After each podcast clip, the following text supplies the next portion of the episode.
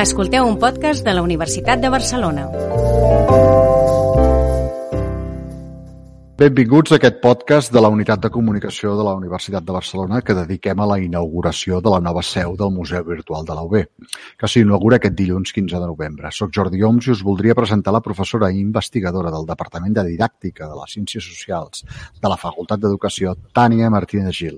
És experta en didàctica del patrimoni, museografia, història i educació i noves tecnologies aplicades a l'escola, al patrimoni i al museu. El nou Museu Virtual de la UB incorpora un nou programari que millora l'anterior anterior. A les 17 col·leccions que tenia fins ara, se n'hi han afegit 4 de noves, en una nova interfície més moderna que millora la usabilitat. També s'incorporen noves funcionalitats, exposicions virtuals per temàtiques i accés a la visita virtual de l'edifici històric en català, castellà i anglès. Volem parlar amb la doctora Martina Gil per tal de conèixer la seva opinió com a experta tant en museografia com en noves tecnologies. Què tal? Hola. Ens podries parlar dels beneficis i o possibles inconvenients d'apropar la cultura de forma virtual a la societat? Sí, per suposat. Molt bon dia, Jordi. Uh, realment, uh, bueno, estem davant d'un projecte molt, molt engrescador i alhora necessari uh, i que sempre, quan apareixen doncs, tots aquests recursos digitals, doncs, uh, ens apareix com aquesta idea no? entre els beneficis, no beneficis que ens aporta tot aquest gran boom de la, de la cultura digital. Jo crec, uh, de fet, sempre és com un debat històric en tot procés de canvi, no? El qüestionar-nos què és millor o pitjor uh, d'aquests canvis, però crec que en el cas que ens ocupa és innegable de que, de fet, la cultura digital doncs, bueno, ens apropa no? a, a tot el món, per dir-ho d'alguna manera, amb només un clic. No? Aquest és un benefici que, sens dubte, doncs, està per sobre no? de, de molts altres perjudicis que podríem, que podríem eh, trobar o assignar al tema de la, de la digitalització. Ens permet estar connectats, ens permet accedir a la informació en, en qualsevol moment i alhora compartir tot allò que fem eh, doncs, en el nostre dia a dia. No? I per tant, doncs, eh, en aquest sentit, jo també sempre eh, el que penso no? és una opinió personal i és que estem davant d'aquest gran eh, quasi boom digital no? en què les nostres societats, fins i tot ja nosaltres, doncs ens comportem d'una manera molt diferent, actuem diferent per, per aquest hàndicap eh, de l'accés directe, ràpid i compartit a la informació i que doncs, eh, d'alguna manera des de la universitat i des del de, eh, món de la cultura doncs, no, no podem mirar cap a una altra banda. No?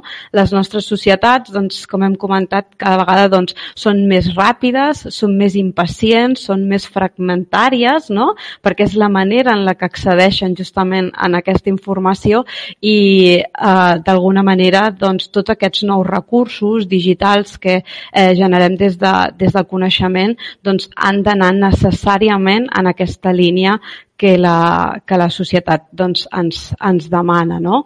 Eh, nosaltres, des del màster, com a professora en el màster de gestió del patrimoni cultural, eh, és una premissa que tenim molt integrada des de fa ja molts cursos i des de les diferents eh, assignatures, no? des de la museologia, l'accessibilitat, la didàctica, l'educació, doncs eh, sempre hem apostat per, per aquests avantatges i beneficis que el món digital doncs, ens, ens aporta i així formem els, els futurs gestors del, del patrimoni. No? Per tant, doncs, eh, en aquest sentit, crec que són més els beneficis que els inconvenients eh, en, el món, en el món digital i crec que doncs, necessàriament els hem, els hem d'aprofitar.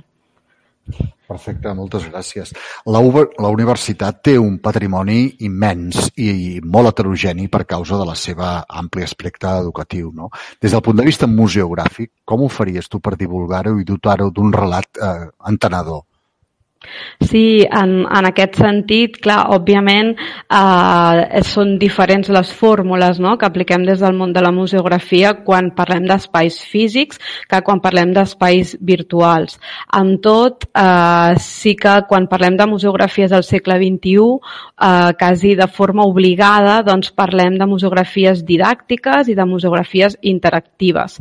Quan nosaltres parlem de, de didàctica, d'acord que és un concepte ja del segle XVI que hem anat aplicant a totes les disciplines, doncs és important entendre que eh, hem d'intentar fer comprensible no, aquest patrimoni a la majoria de, de públics. Justament quan parlem d'aquests patrimonis, tant el cultural com natural, que són tan eh, importants però alhora tan diferents, no? quan parlem de col·leccions eh, en general, doncs eh, fer comprensible al públic aquest patrimoni no és una tasca, eh, no és una tasca senzilla, però sí que creiem que és una, una obligació.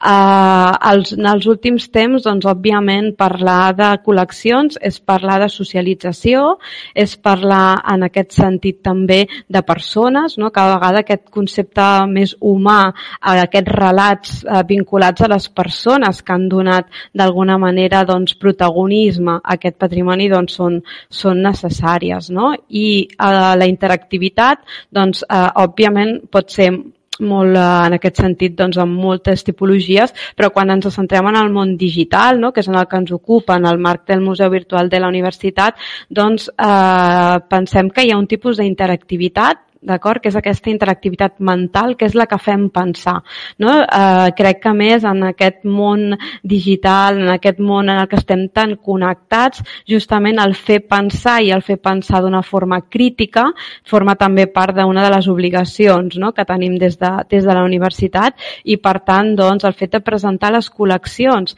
a partir de preguntes eh, que facin en aquest sentit no? replantejar als usuaris eh, quines són les seves seves funcions, quins són els seus usos, quines persones hi ha al darrere, no? i entendre que les col·leccions per si soles no s'entenen. No? És aquesta necessitat de eh, eh, entre, entre elles no? en el seu context, en el seu temps i d'aquesta manera doncs, poder construir doncs, aquests relats que, que ens feia la pregunta, no? relats més entenedors on totes aquestes col·leccions eh, estiguin integrades. house. Mm-hmm. Molt bé. L'actual vicerrector de Patrimoni i Activitats Culturals, Agustí Alcoberro, ens recordava no fa massa que quan es va constituir la, construir l'edifici històric a mitjans del 19, el seu projecte pivotava sobre tres potes, l'edifici en si, el jardí i el museu. D'aquell projecte l'únic que no s'ha realitzat és, és el museu i la doctora Lourdes Sirlot, que en la seva època de vicerrectora va ser l'artífex del museu, ens confessava que li hagués agradat molt poder adreçar un museu físic.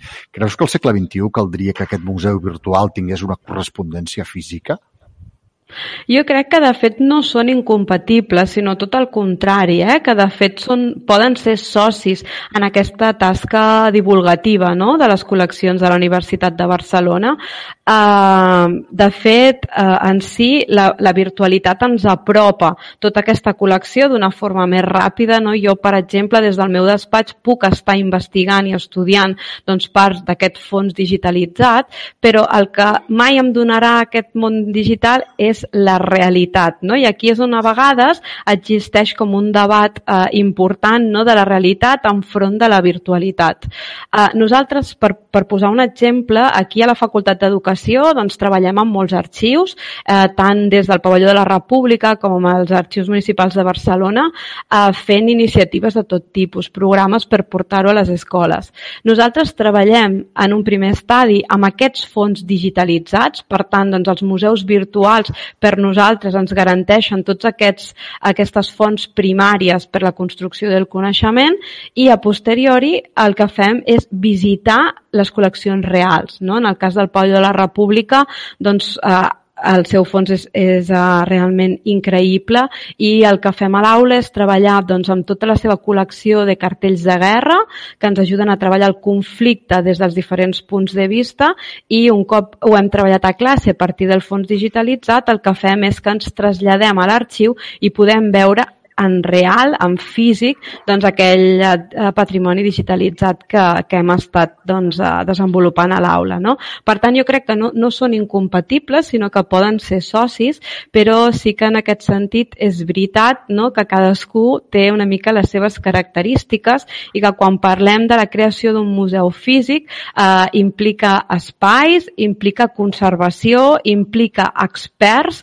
en cada una de les col·leccions, no? que com bé has explicat al principi, doncs eh, té la UB que són del tot diverses, des de documents, des de vestuari, des d'objectes, des de obres artístiques i per tant doncs, eh, el repte del museu físic eh, doncs, també eh, implica incorporar tots aquests especialistes i tenir present doncs, quines han de ser les funcions, no? segons eh, i com eh, d'un museu d'aquestes característiques. Molt bé. Uh, si alguna cosa ens queda clara o, o la percepció que tenim és que al Museu Virtual hi ha una feina immensa al darrere, uh, però que encara és poc conegut per la comunitat universitària, especialment pels alumnes. Mm, com a especialista, com creus que caldria difondre i posar en valor aquest patrimoni increïble que ofereix el Museu Virtual de la Universitat? Sí, en aquest sentit, eh, jo crec que és un aspecte clau, no? sobretot, és a dir, quan generem recursos virtuals, sabem que ho tenim tot a un clic i ho comuniquem d'una forma global i ràpida, però a vegades ens falta aquest punt intermig de com fer aquesta comunicació. No? Uh, de fet, el, el doctor Alcoberro, en una de les últimes entrevistes uh, que parlava sobre el museu virtual, ens parlava del tema de la identitat de la comunitat UB. No? És a dir, que els estudiants i en general la comunitat científica de la UB senti, es senti identificada amb aquestes col·leccions perquè aquest procés, que nosaltres diem el procés de patrimonialització es produeixi, s'ha de donar a conèixer. Uh, en aquest sentit, com a facultat d'educació, de, no? o potser perquè tenim aquesta línia, veiem molt, molt clara la necessitat de que aquesta col·lecció sigui emprada des de les diferents facultats. És a dir, el museu i les facultats podrien ser sòcies en aquesta tasca d'educar i que en aquesta construcció del coneixement en les diferents àrees eh, que es treballen des de la UB es puguin incorporar doncs, aquestes col·leccions com a fonts primàries que són per, doncs, eh, en aquest cas, per tenir-los com a recursos habituals eh, a les aules. Si nosaltres eh, associem des del principi, des de que comencem amb els graus a primer, els nostres alumnes amb les col·leccions que té el propi museu, formaran part d'alguna manera del seu cercle de, de coneixement. No? I només quan comencem a conèixer les col·leccions podem valorar-les no? i tenim aquesta tasca important de crear una, una identitat. No? Per tant, jo crec que una de les claus eh, d'aquest museu virtual o com podria enfocar-se cap a la comunitat UB seria d'aquesta manera, no? aprofitant que tenim aquest patrimoni digitalitzat, apropar-lo a les aules i que formi part doncs, del conjunt de recursos i coneixements eh, dels que disposaria el professorat. Molt bé, doncs moltes gràcies, Tània, per compartir amb nosaltres la teva expertesa durant aquesta estona i contribuir a la difusió i coneixença del nostre museu virtual. Una salutació ben cordial també pels nostres oients. Moltes, moltes gràcies. gràcies a vosaltres. Gràcies per escoltar aquest podcast de la Universitat de Barcelona. Podeu escoltar-ne més al nostre canal Dimons. Més informació a la nostra pàgina web ub.edu.